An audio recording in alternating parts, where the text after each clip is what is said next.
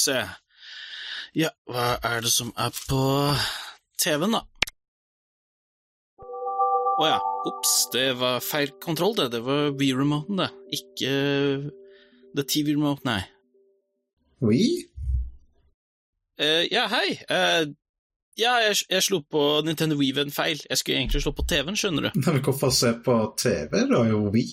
Er ikke det vi ikke gjør, da? Det er jo lenge siden jeg har spilt på den. Eh, ja, ok da, bare kom her. Så da blir det Nintendo Wii. Å ja, herregud, hvor er manerene våre? Eh, velkommen til Retroport, podkast som snakker om diverse retrospill, spillserier og relaterte temaer. Jeg har vært nede i ærend, og med meg så har vi vår cohost, Henrik. Alltid glad for å være her. Ja, så episoden i dag blir jo om eh, Nintendo Wii, som eh, nettopp nevnt. Dette var jo i løpet av den konsollgenerasjonen hvor du hadde PlayStation 3 fra Sony, Microsoft med sin Express 360, og de var jo så å si tradisjonelle konsoller, de med sine håndkontrollere.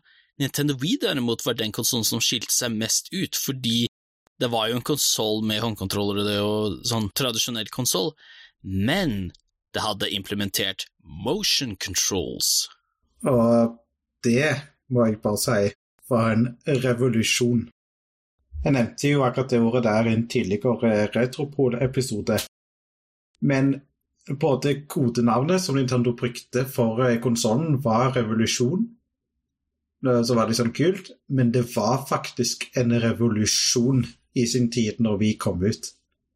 For du hadde aldri før hatt en så fantastisk velfungerende motion-kontroller som du kunne ta i bruk til å spille spill. Og du kunne gjøre på en måte alt. Du kunne late som du spilte tennis, du kunne ro en båt, du kunne drive med bueskyting. Den hadde så mange måter du kunne gjøre ting på. Og det bare fungerte så utrolig bra. Mm. Pluss det hadde jo egentlig litt av hvert å tilby. Sånn ser vi på hovedmenyen, så kunne du velge så klart å spille spillet, men det hadde også en del interaktive kanaler, deriblant en hvor du kunne redigere fotoer slik du ville, og du fikk jo noen ganger foto fra spill du hadde spilt, for eksempel Mario Kart Wii. Det var jo en gang for eksempel hvor jeg tok og så lekte meg litt, så greide jeg å klippe ut Valuigis fjes, og så legge det på alle andre Mario-karakterer, så ble det bare sånn derre Mario Kart Wii, but everyone is Waluigi. Å oh, nei. og vi hadde jo på en måte òg mange kule funksjoner. Alt ifra ting som værkanal, nyhetskanal Det føltes litt ut som en faktisk slags kabel-TV med massevis av forskjellige kanaler. Pluss du kunne kjøpe gamle spill via WeShop Channel. Ikke bare ting fra Nintendo, men også fra Sega, Neo Geo, til og med TurboGrafx 16. Det var sånn wow! Det var jo på en måte en øyeåpner, spesielt for meg som på en måte var såpass eh, ung at jeg aldri hadde opplevd en Nintendo Entertainment System. Jeg hadde aldri fått eh, spilt Super Nintendo, bare fordi at eh, de stoppet jo produksjonen av de konsollene når jeg bare var et barn. Så det var på en måte en helt ny måte å kunne oppleve mange av de gamle storspillene på. Mm. Og så var det jo en annen kanal som var ganske spesiell, fordi vi har noe som heter Me Channel. Me Channel er da en kanal der du har muligheten til å lage eller importere avatarer som da har kallenavnet Me. Dette er da designa til at du har en dykkeaktig figur som har predefinerte hårfrisyrer, øyetype og grimaser som du kan velge. Målet ditt med dette her er jo da å etablere hvilke som helst personer, og bruke de da i en haugevis av spill som var kompatible med denne funksjonen her. Mm spill som for eksempel Mario Kart Wii implementerte sånn at du kunne spille som deg selv, så var liksom du kunne si at jeg er med i spillet nå. Mm.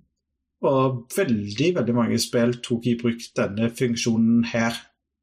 Og det var jo et fantastisk uh, gateway for uh, Du lagde deg sjøl, du lagde familien din, Og så lagde du selvfølgelig venner.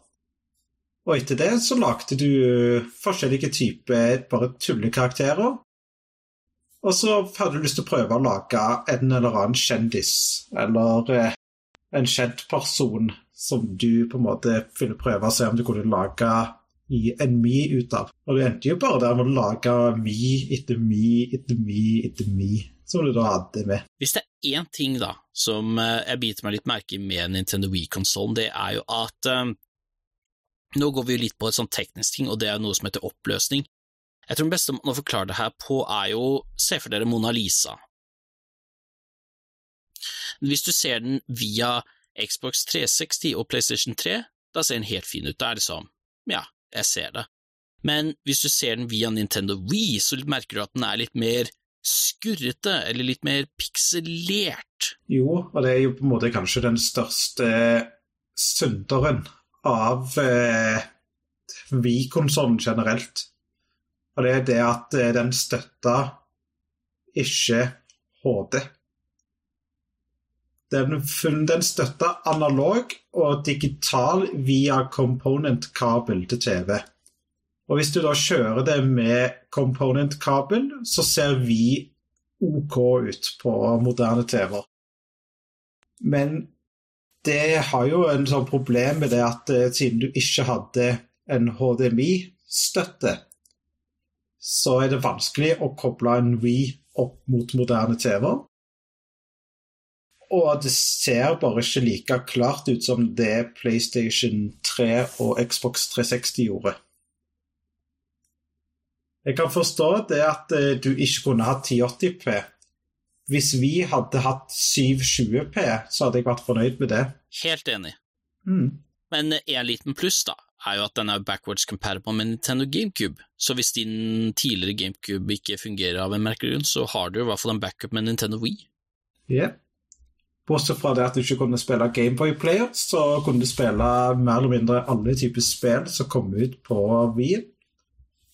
Og det fungerte helt fint. Du hadde jo mulighet til å koble til både bongotrommer, dansematte, mikrofon og minnekort.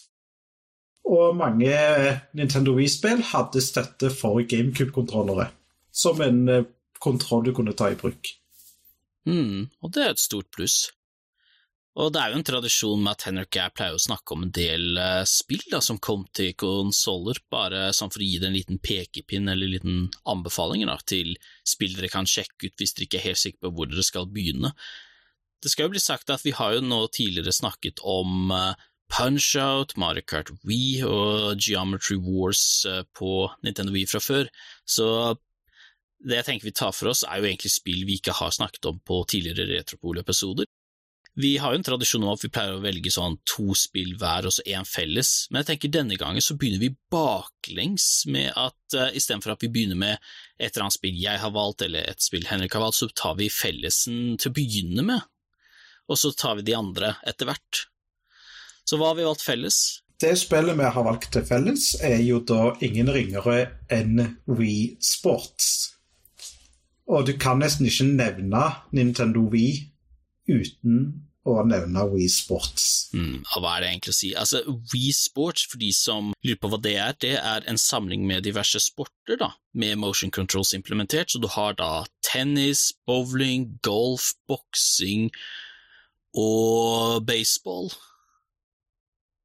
Og så blir det jo egentlig bare opp til deg å velge en sport du har lyst til å spille, enten deg alene eller med flere computere eller kamerater, og så er det egentlig bare å spille til man så lenge man orker. Og dette her er jo på en måte en definisjon av et pick up and play-spill.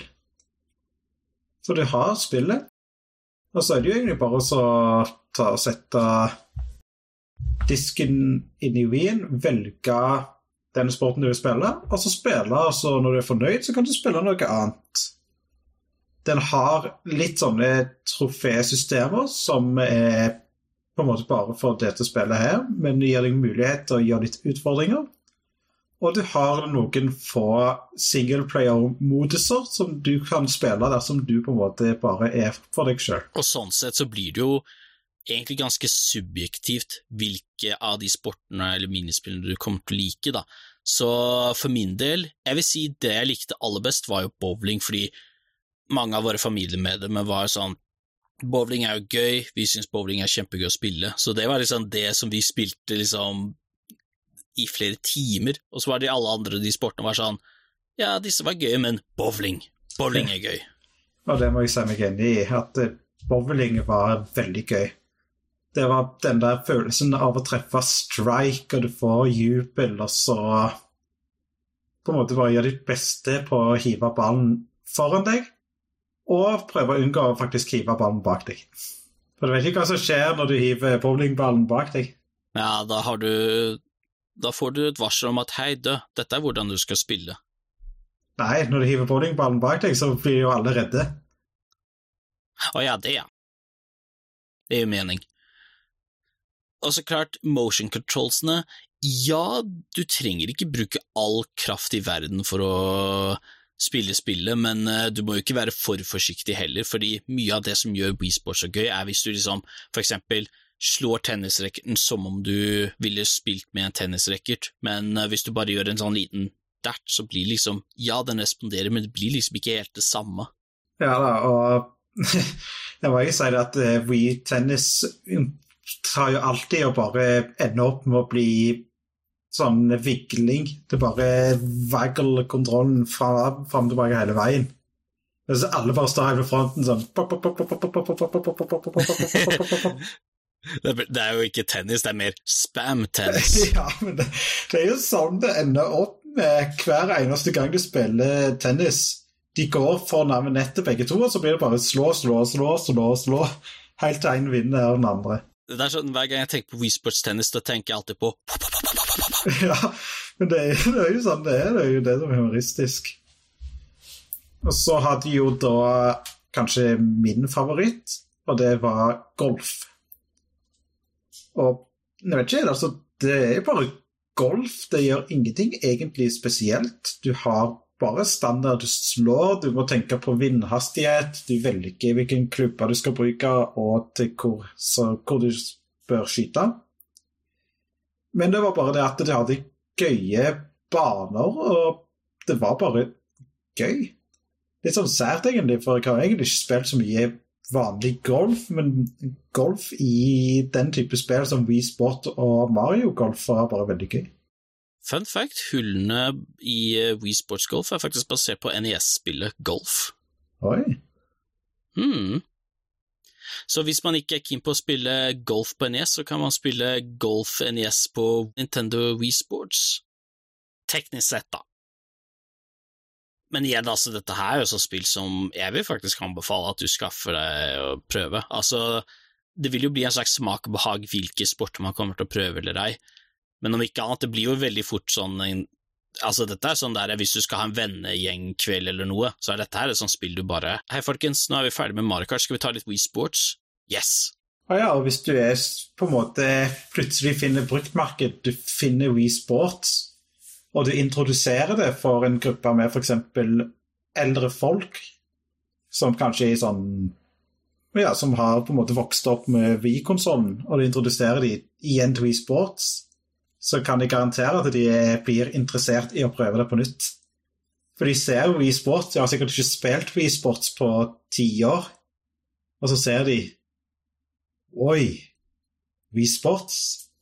Det husker jeg var jo kjempegøy.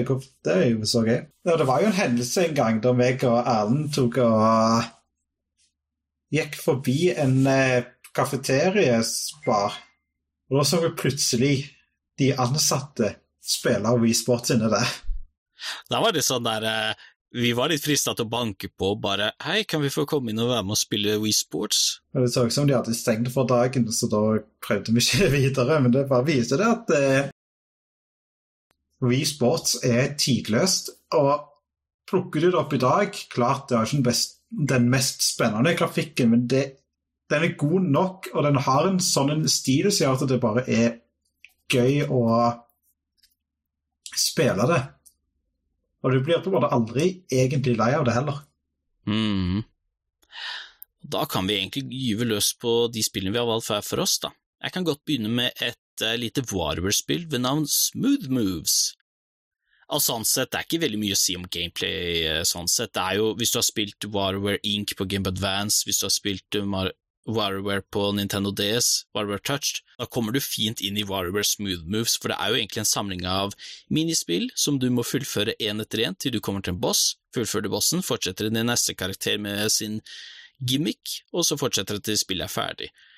Alle minispillene er korte, og de implementerer motion controls, så for eksempel det er et minispill hvor du må rake løv, og da bruker du V-remoten som en sånn kost.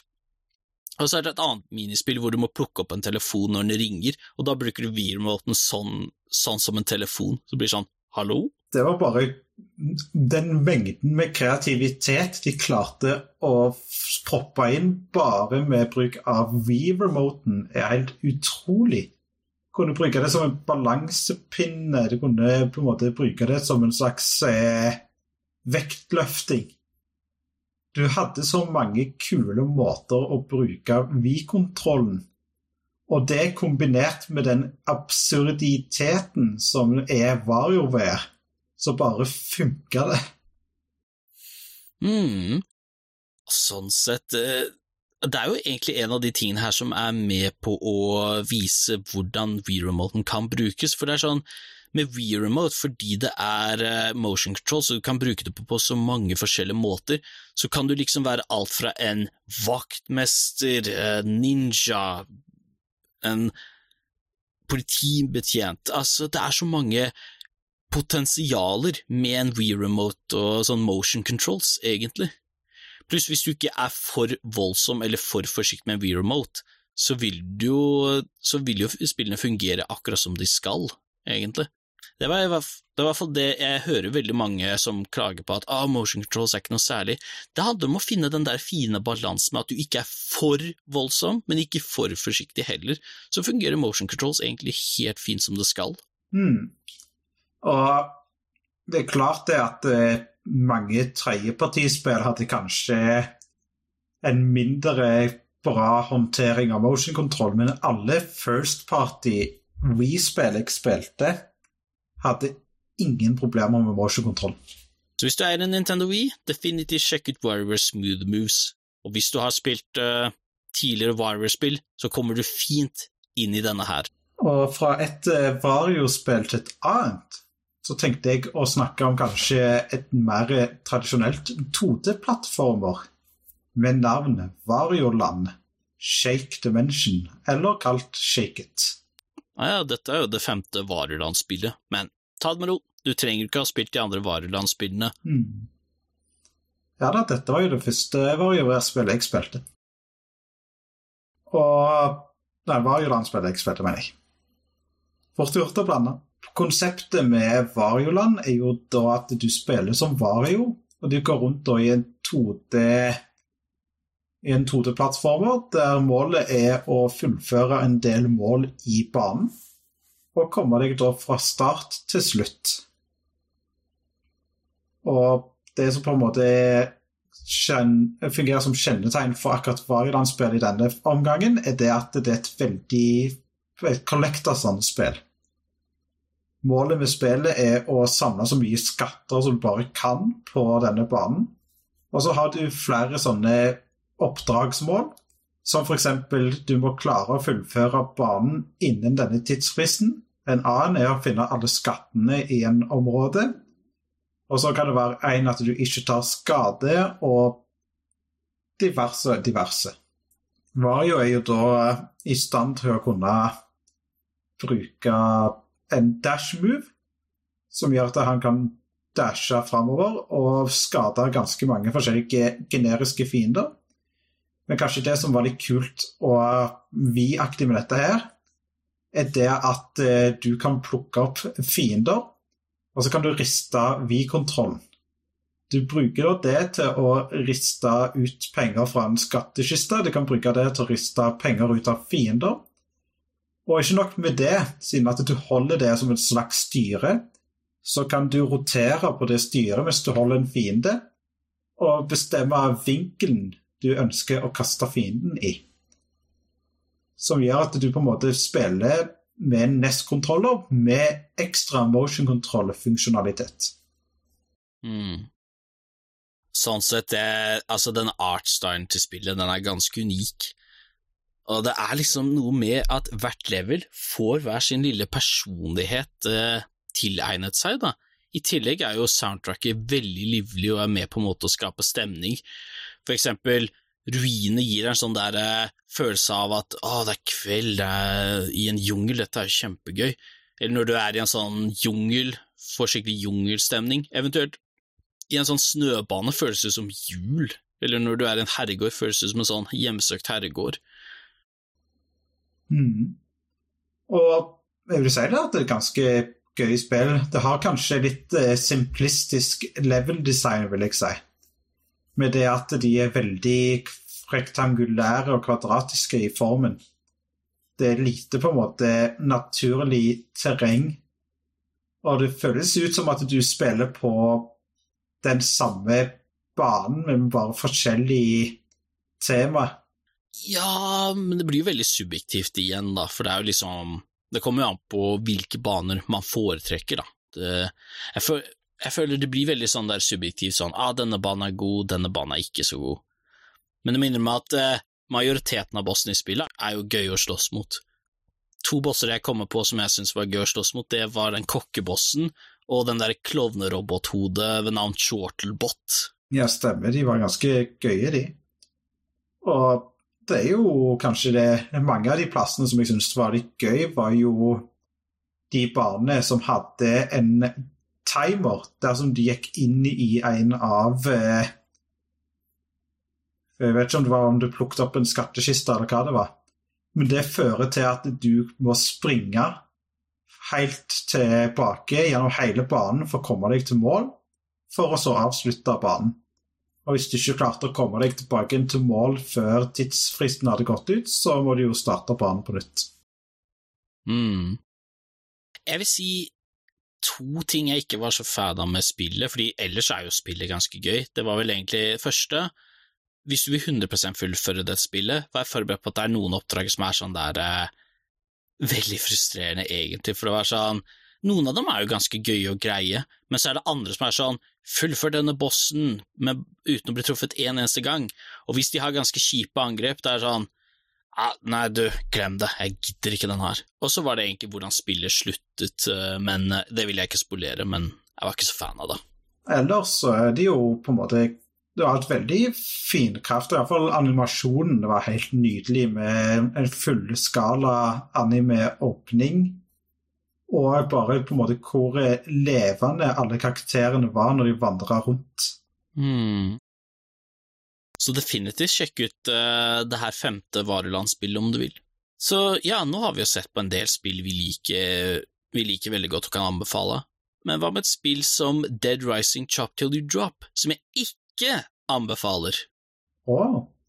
det er et spill du ikke anbefaler på en episode om konsollen, det er jo litt uh, interessant. Men uh, selv om vi liker å gi ros til en del spill, så er det noen som må få ris. Dessverre er det denne. Fordi gameplay-messig og historiemessig, den har jo samme plott som Dead Rising på Express 360-versjonen. Hvis dere ønsker en refresher på den, så anbefaler vi å høre på episode 15 av Retropol, hvor vi snakker om konsoller som Xbox og Xbox 360. Uansett, du vet jo at i Dead Rising 1 du hadde jo et stort kjøpesenter, du kunne velge å gjøre oppdrag som du selv ville, og utforske det slik du ønsket, ikke sant? Mm. Se for deg dette spillet igjen, bare at du har ikke den samme friheten. At du ikke kan utforske som du selv vil, og oppdrag som ikke er uh, mandatory, er nå plutselig obligatoriske, som fører til at spillet føles mye lengre og tregere ut enn det det trenger å være, og grafikken er dessverre ikke like appellerende som det første. Det er jo litt sånn eh, surt. Ja, for det er liksom Det her spillet er hva det sliter med den derre Hvis du har spilt en bedre versjon av spillet fra før, hvorfor i alle dager vil du spille det her spillet? For det er litt sånn, den har jo samme gameplay-stil på grunn av Nintendo Wii ikke var like kraftig som Express 360 så måtte de ta et par snarveier, og da var det sånn ah, Resident Evil 4 Engine, det funker.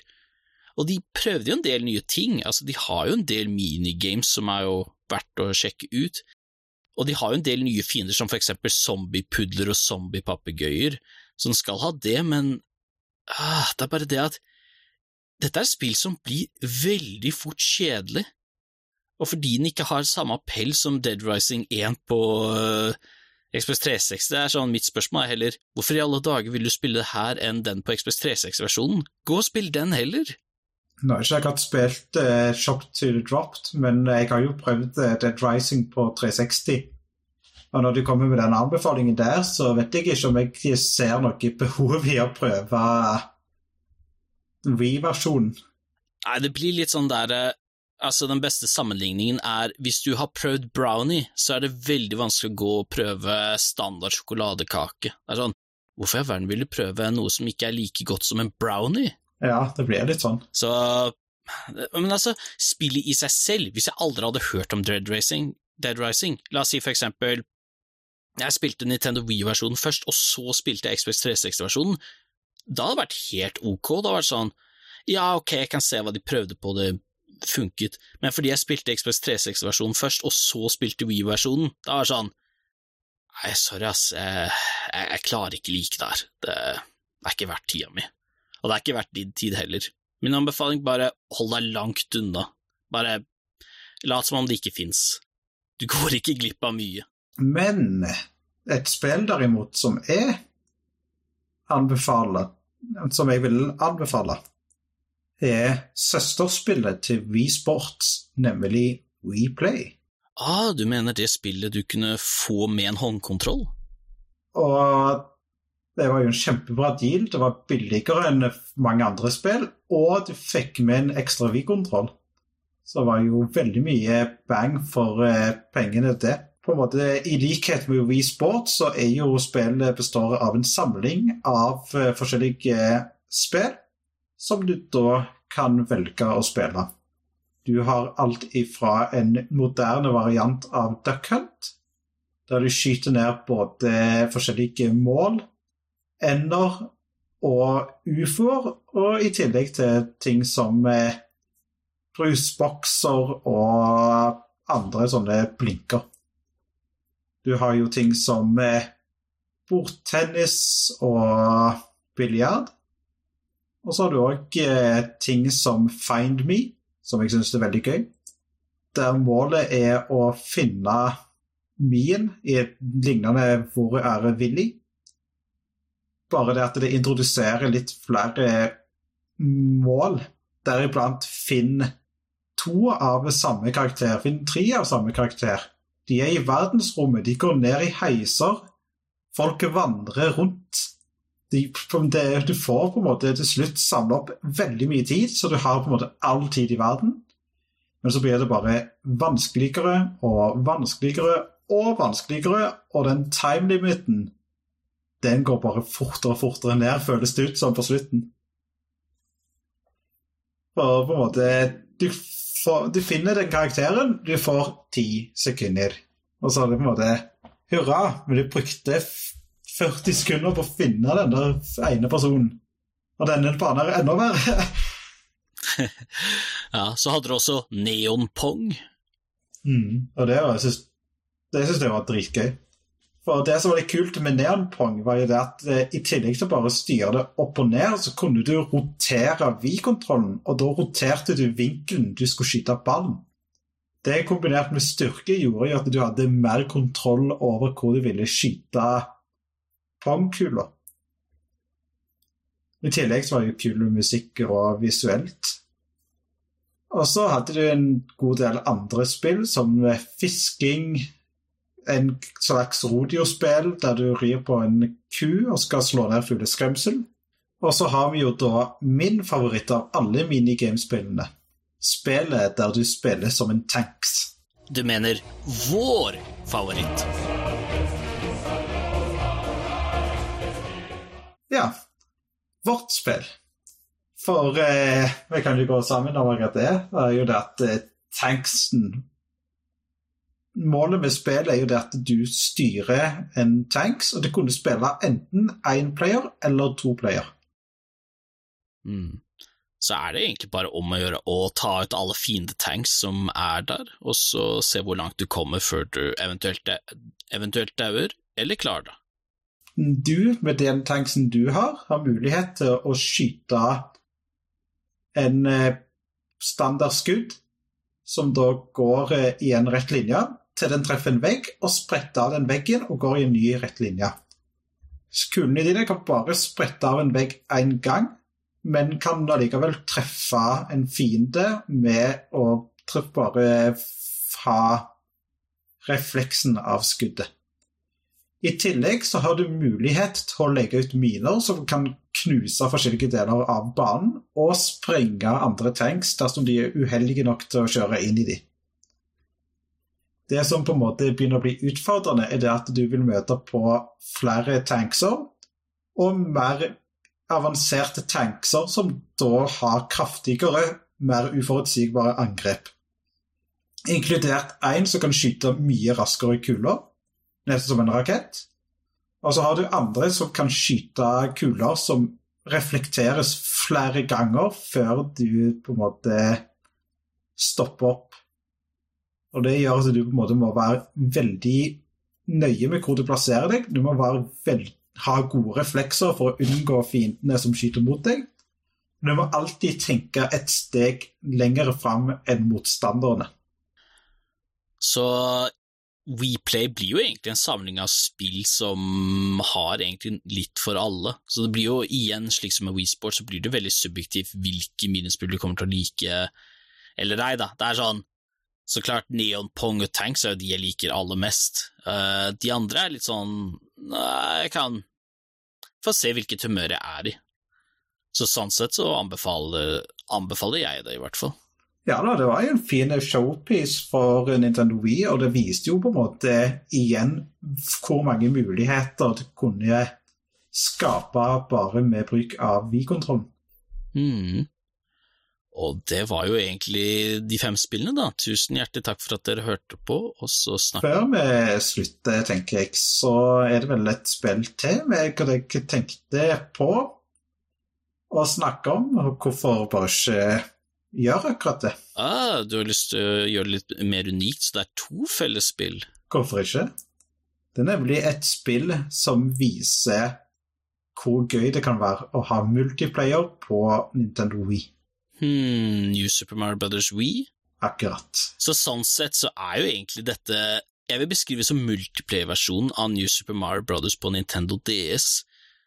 For det som er greia, er at den har samme type storyline og gameplay-struktur, med at Peach er blitt kidnappet igjen, og da er det jo sånn at du går fra level til level, level til level, verden til verden, og så går du, går du gjennom levelene fra punkt A til punkt B med diverse fiender og gimmicks imellom som prøver å forhindre deg å nå ditt mål, og så er det jo så klart en del nye power-ups som hjelper deg på din vei, da. Som et eksempel så har du nå en eh, pingvindrakt som gjør at ikke bare kan du skli på isen, men du kan også kaste snøballer som fryser fiendene til is.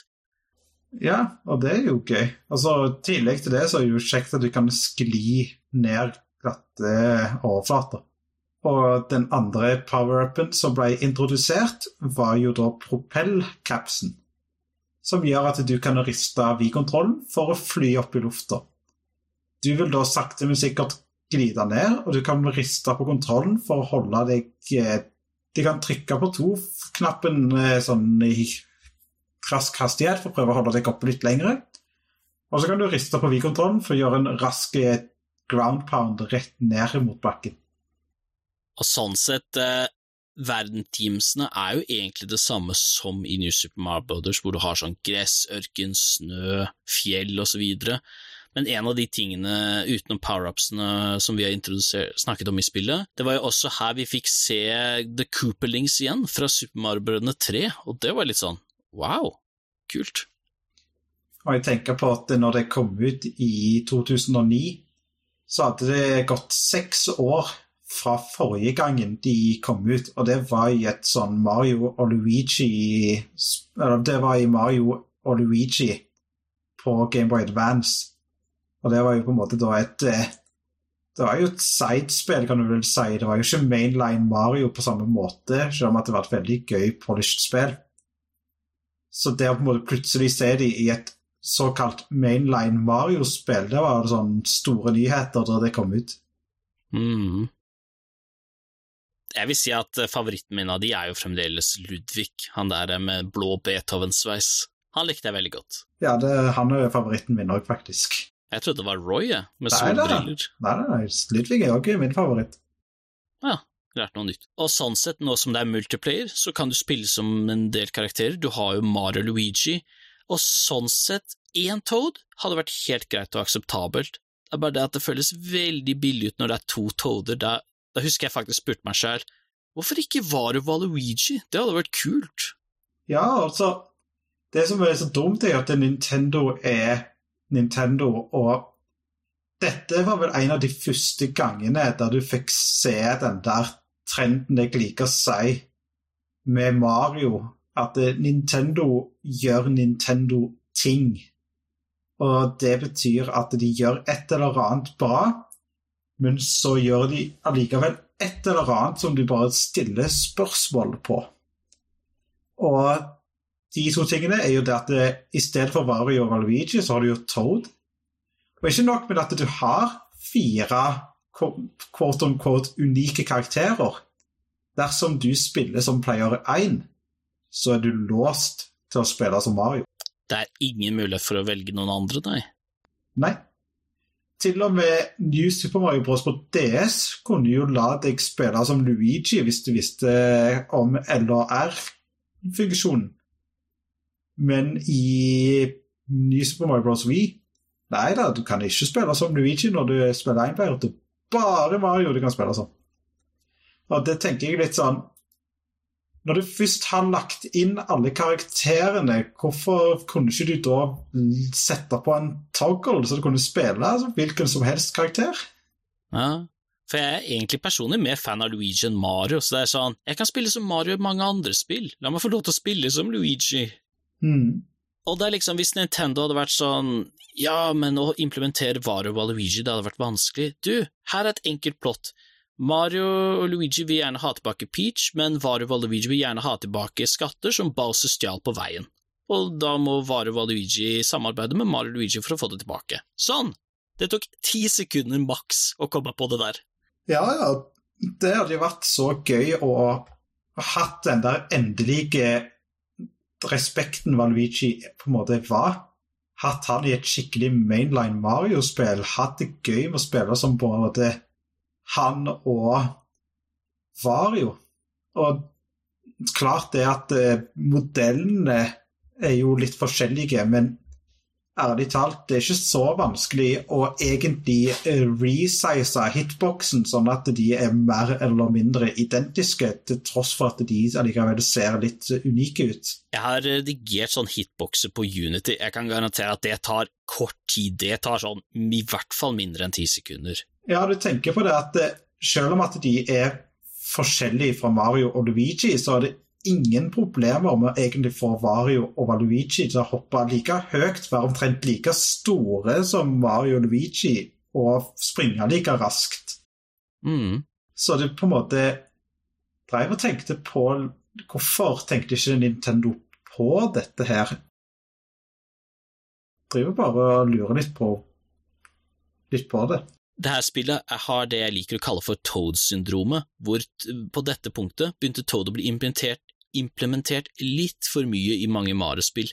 Sånn, Jeg kan akseptere Toad i Mario Kart 64, men sånn fra dette spillet og utover, da ble det sånn Hvorfor bruker de Toad så mye, kan ikke vi få noen andre inn snart? Og det, dette spillet òg introduserte jo denne på en måte Mario-formule, kan du vel si. Og den har på en måte Nintendo ikke klart å komme seg ut av. Det er en type artstyle som er gjenkjennelig Mario, men den er så safe. Du har på en måte alle de standard patente Mario-skapningene, som Bo, Gumba og alle de tingene der. Men de tør nesten ikke å introdusere nye fiender. Og alt føles så clean og litt sånn nesten litt for vel ivaretatt. Så det på en måte føles veldig kunstig. Kunstig og safe på en viss grad. Og det var noe som jeg på en måte ikke helt likte. Og for det som på en måte er problemet, er at vi snakker veldig mye om negativt om det. Men grunnen til det er jo som sagt fordi at det spillet gameplay-messig er så utrolig bra. Det er det at spillet gjør ellers mye bra. At den hvis bare hadde lagt på litt mer, så kunne det vært sånn der fort en sånn derre Dette her er sånn A, A pluss ti av ti-spill. Ja da, for musikken i seg sjøl er for det meste ganske bra, og det er mange kule levels i det spillet der. Og de har faktisk en del kule bosser. Så det er på en måte det der at det, det er et ekstremt gøy spill å spille, for du har kaos med det å være fire stykk som da kan velge å samarbeide, men de kan òg velge å sabotere for hverandre, som skjer igjen og igjen og igjen. og så er det jo på en måte det at eh, å, det er mange av de siste banene i den ekstraverdenen er faktisk genuint utfordrende. Så det tester skillsa dine. I hvert fall det ene levelet hvor alt er is, og så er det en del firebros som driver og kaster ildkuler som gjør at banen etter hvert smelter, så blir det sånn der Herregud, vi må skynde oss til mål, ellers så dør vi. Og den banen der var et rene mareritt. ja. Og ellers, da, altså, dette er et sånt spill jeg vil anbefale helst at du ikke spiller alene, fordi gameplay Jeg føler spillet er nesten lagd for at det skal spilles med flere. Og så blir det utrolig kaos når det er fire stykker som prøver å fullføre ett level sammen. Mm. Og fordi man kan bli om til en boble som gjør at man ikke blir truffet, men eh, kan komme ut av den hvis en annen hopper inn i den ved å trykke på A-knappen, da er det veldig dumt eh, at eh, den som er igjen, også kan trykke, som fører til at alle taper levelet. Det er sånn Hvorfor trykka du bobleknappen? Ja, men det var jo sånn Jeg skal klare dette her, og så feiler den første trykker A. Nei da, bare ingen bekymring. Og så feiler den andre òg og trykker A. Og den siste da trykker A bare av refleks. og så er det bare sånn Alle bare ser på hverandre mens de hører en sånn en too bad-jingle og blir sendt tilbake til checkpoint eller starterbane. Du mister i det minste ingen liv, men du mister jo power-upen du har, så det på en måte tjente jo ingenting på det likevel. Ja, det blir litt surt. den, den har skjedd så ofte, og den er bare nesten litt komisk òg. mm. Det er det ingen tvil om. Men uh, alt i alt, da, altså, dette spillet vil jeg egentlig anbefale. Hvis du likte Som sagt, det her er jo multiplayer-versjonen av New Super Mario Brothers på DS. Kanskje det eneste som også er litt dumt, er jo at det hadde ikke samme type minigame som i for eksempel New Super Mario Brothers på DS. Mm hvis de bare hadde greid å implementere à la noe hvor du brukte motion controls eller V-remote, så hadde det vært en skikkelig stor Så hadde det vært en tommel opp for meg. Og det fører oss da til slutten, eh, alt i alt. Altså, Nintendo Wii har jo egentlig noe for alle. Altså, om, om ikke man er så fan av ett spill, så er det i hvert fall et annet spill man kan prøve med en gang, som jeg i hvert fall mener du kommer til å ha det gøy med, altså. Ja, det er så mange gode spill som kommer ut på Nintendo Wii. Og det er på en måte bare så mange skatter der, hvis du faktisk velger å grave opp eller prøve en konsoll du ikke har fått prøvd tidligere. Det er mange det er populær konsoll med veldig mange populære spill, og det er så mange gode skatter av spill som kommer ut på den plattformen. Det gjelder bare å utforske og finne de som er gøye å spille. Det er ingen tvil om. Så er det bare å følge oss på Twitter at retropols64, eller så kan dere nå oss på mail retropols64 at protonmail.com. Og med det så er vi ferdig med vår Nintendo Wii-episode. Tusen hjertelig takk for at dere hørte på. Så snakkes vi. Ha det bra, ja.